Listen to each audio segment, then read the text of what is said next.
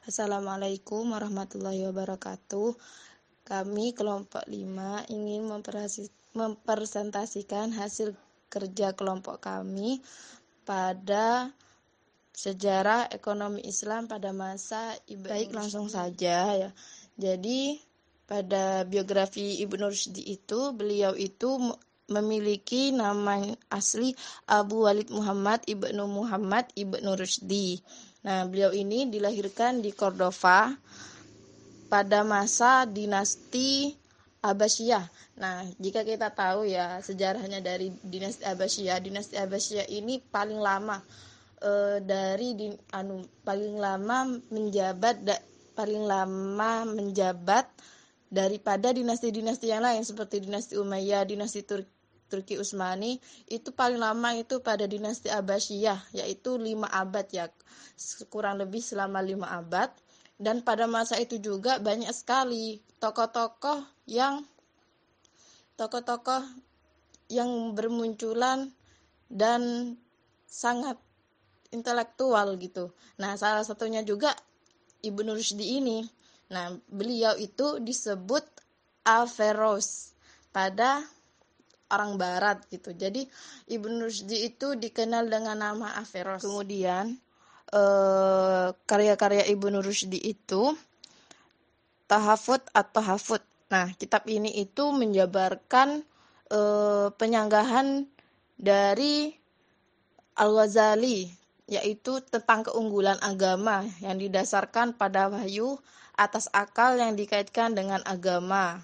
Nah, kemudian yang kedua itu Fas al-maqal fi ma bain al-hikmat wa al-ash wal syariah min al-ittisal. Nah, kitab ini itu berisi tentang hubungan antara filsafat dengan agama. Karena Ibu Rus, Ibnu Rusdi ini tidak hanya anu ya pemikiran ekonomi saja, tapi juga beliau itu e, tasawufnya itu juga ada gitu.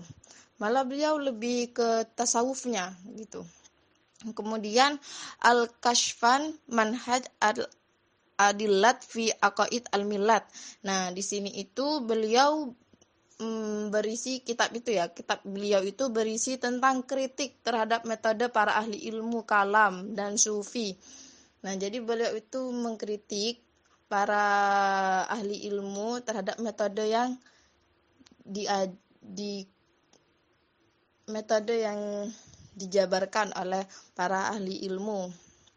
Kemudian yang keempat itu bidayat al-mujtahid wa nihayat al-muqtasid. Nah, di sini berisi tentang ilmu-ilmu fikih. Jadi banyak ya ilmu fikih itu enggak hanya fikih muamalah saja tapi banyak fikih adabiyah, fikih fikih munakahat. Nah, itu ya.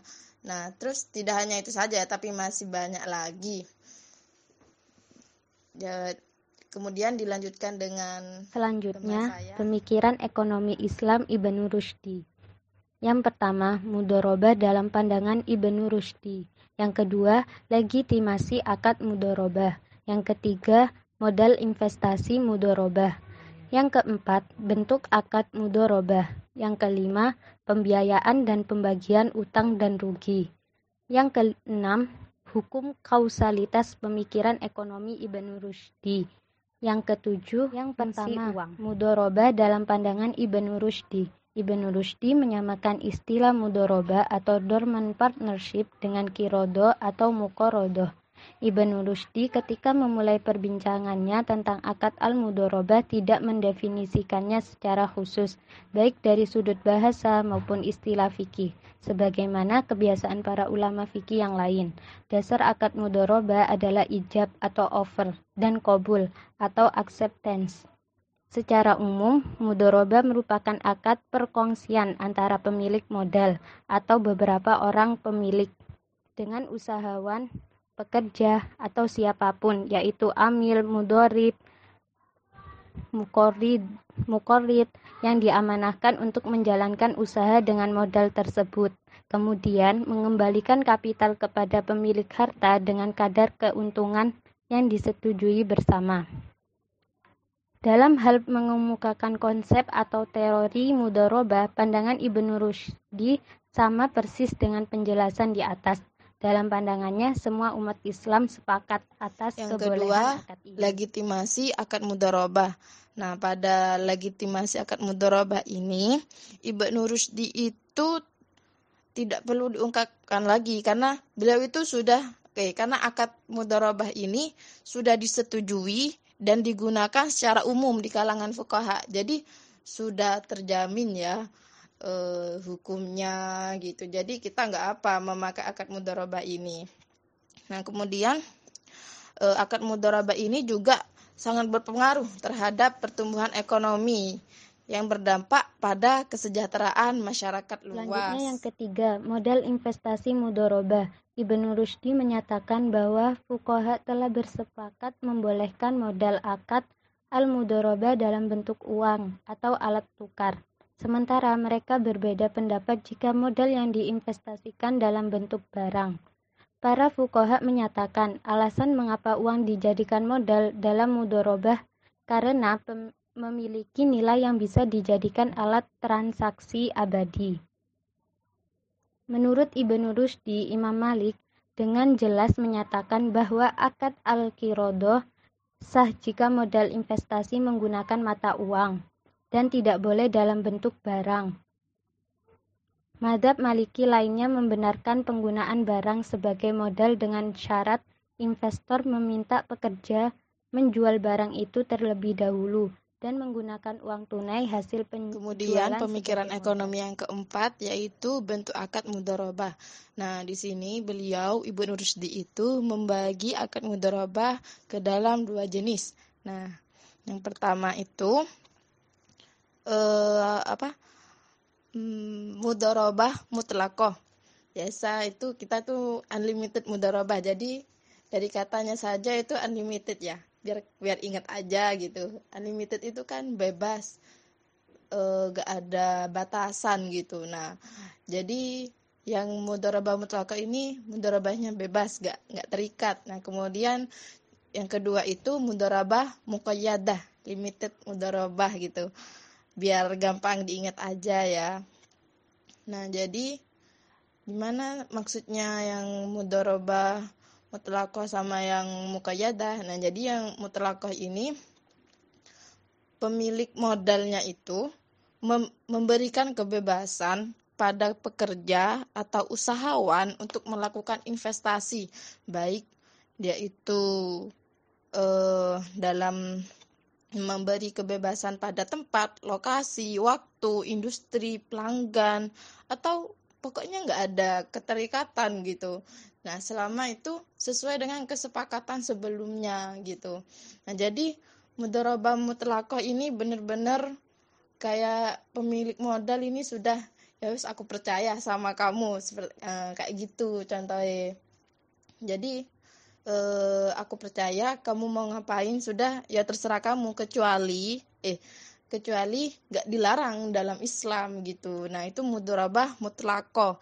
Nah yang kedua ini kan mudorabah mukayadah, limited mudorabah. Nah jadi itu anu sebaliknya berbanding terbalik dari mudorabah mutlako. Nah jadi pada mudorabah mu, mu, mukayadah ini ditentukan dan dibatasi. Jadi sudah ada kesepakatan sebelumnya. Jadi e, pemilik modal anggap bilang e, pokok tempatnya itu harus di kalangan yang elit ya.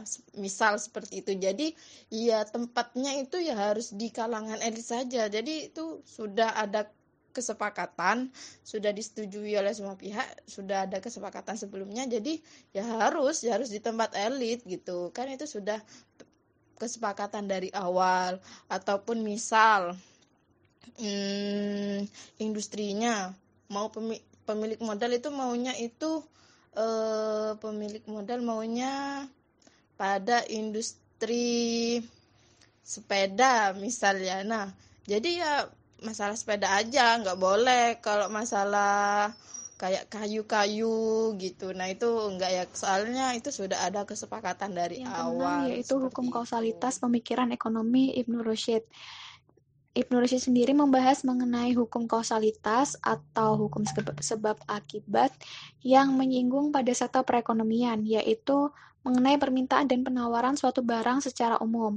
Namun secara terperinci nanti akan dibahas oleh tokoh-tokoh selanjutnya Yang seperti yaitu fungsi uang. dan tokoh-tokoh lainnya. Terdapat eh, empat fungsi uang, namun menurut Aristoteles terdapat tiga fungsi uang, yaitu sebagai alat tukar, sebagai alat mengukur nilai, dan sebagai cadangan di masa depan. Sedangkan untuk poin keempat ini merupakan sumbangsi pemikiran tentang fungsi uang menurut Ibnu Rushd, yaitu sebagai alat simpanan daya beli konsumen. Nah, hal ini menekankan bahwa uang dapat digunakan kapan saja oleh konsumen untuk membeli kebutuhan hidup. Namun di sisi lain, Ibnu Rushd ini membantah pemikiran dari Aristoteles mengenai teori uang yang mengatakan bahwa nilai uang tidak boleh berubah-ubah. Ibnu Rushd ini membantah dengan dua alasan. Yang pertama karena uang merupakan alat untuk mengukur nilai. Allah tidak berubah-ubah karena Allah Maha Pengukur, maka uang sebagai alat pengukur juga tidak boleh berubah-ubah. Yang alasan yang kedua yaitu karena fungsi cadangan untuk konsumsi masa depan sangat tidak adil jika terjadi perubahan.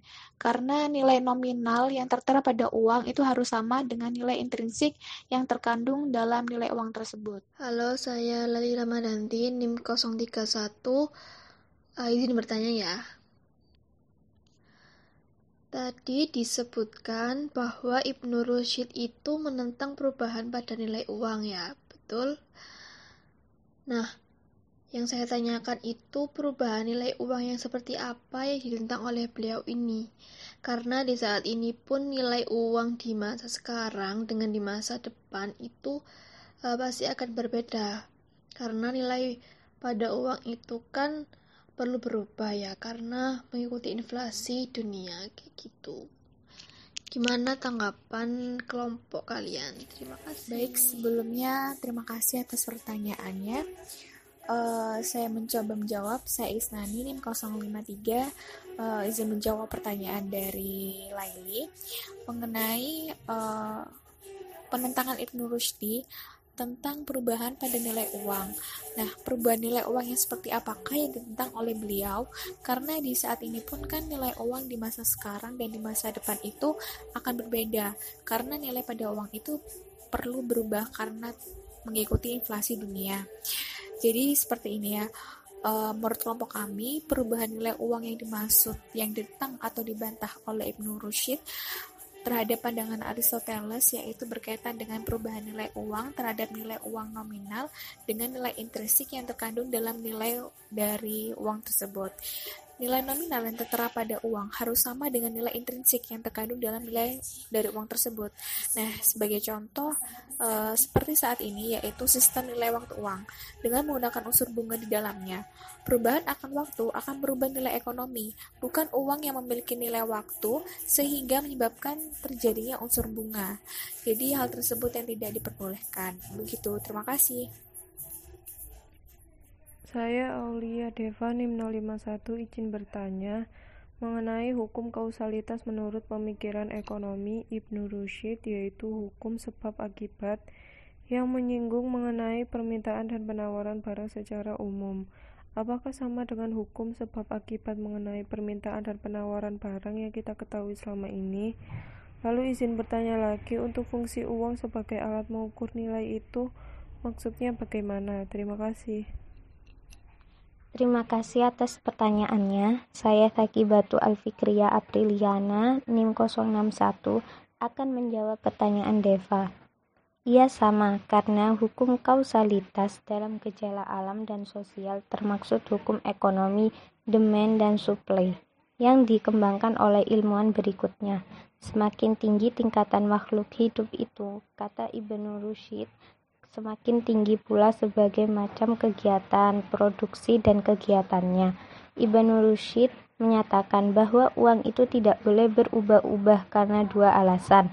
Yang pertama, uang berfungsi sebagai alat untuk mengukur nilai. Maka seperti Allah Subhanahu wa taala yang Maha mengukur, Allah tidak berubah-ubah, maka uang pun sebagai pengukur keadaan tidak boleh berubah-ubah. Yang kedua, uang berfungsi sebagai cadangan untuk konsumsi masa depan, maka perubahan padanya sangatlah tidak adil. Kedua alasan tersebut, maka sesungguhnya nilai nominal uang harus sama dengan nilai in, intris, intrinsiknya. NIM 019 izin bertanya. Seperti menurut Ibnu Rushd, uang sebagai alat pengukur tidak boleh berubah-ubah. Yang ingin saya tanyakan adalah bagaimana dengan rencana dari Bank Indonesia yang sedang merencanakan tentang redenominasi mata uang yaitu dengan menghilangkan tiga digit nol, seperti seribu rupiah menjadi satu rupiah. Apakah hal ini juga tidak Baik, terima kasih atas pertanyaannya. Saya Iza Marika, NIM 067 izin menjawab. Nah, jadi dalam fikih Islam itu penerapan redenominasi di Indonesia itu mubah. Boleh, boleh-boleh saja. Nah, jadi mau diterapkan redenominasi tersebut nggak apa-apa, nggak diterapkan juga nggak apa-apa gitu. Nah, alasannya itu kenapa? Karena yang pertama itu setelah redenominasi akan lebih praktis. Juga bisa diketahui bahwa pecahan mata uang di Indonesia memang sudah tergolong yang terbesar. Nah, kemudian yang kedua, alasan yang kedua yaitu pemerintah mengajukan tentang citra atau kesetaraan atau harga diri bangsa kita di hadapan bangsa asing. Nah, jika setelah setelah diredenominasi, nilai tukar rupiah tidak akan sejauh seperti saat ini. Misal nih ya, nilai sekarang itu nilai tukarnya misal satu dolar itu sama dengan sembilan ribu rupiah. Nah, jika sudah diredenominasi akan berubah menjadi satu dolar sama dengan sembilan rupiah. Ya, terima Begitu kasih saja. atas segala pertanyaannya dan juga jawabannya ya diskusinya sangat menarik sekali. Mungkin saya hanya menambahkan satu atau dua hal saja. Coba nanti kalian baca sejarah tentang Bretton Woods System di mana sejatinya dahulu setiap dolar yang dicetak oleh pemerintah itu memiliki cadangan emas tetapi setelah sistem itu dihapus dan mulai bekerja sistem fiat money maka uang kertas tidak lagi memiliki cadangan emas sehingga nilai intrinsik dari kertas yaitu mungkin hanya 100 atau 200 perak saja tidak mungkin sama dengan nilai ekstrinsiknya atau nilai yang tertulis di mata uang tersebut sehingga terjadilah inflasi secara terus-menerus sekaligus sistem mata uang kertas ini menyuburkan apa yang namanya sistem bunga bank. Oleh karena itu banyak ahli ekonomi Islam yang sangat merindukan kembalinya kita kepada sistem pemakaian mata uang dinar dan dirham yang yang nilai intrinsik dan ekstrinsiknya sama yaitu mata uang emas dan perak. Beberapa analis mengatakan itu terbukti dari nilai mata uang satu dinar emas zaman Nabi yang cukup untuk bisa membeli satu ekor kambing sampai sekarang juga tetap sama. Di mana dinar dirham ini telah membuktikan kekebalannya terhadap inflasi dengan tidak ada-ada atau kalaupun ada hanya sedikit sekali penurunan nilai mata uang. Kalau redenominasi itu menurut saya canggih noting. Selama nilai uang masih fluktuatif dan interest baset ya susah move on.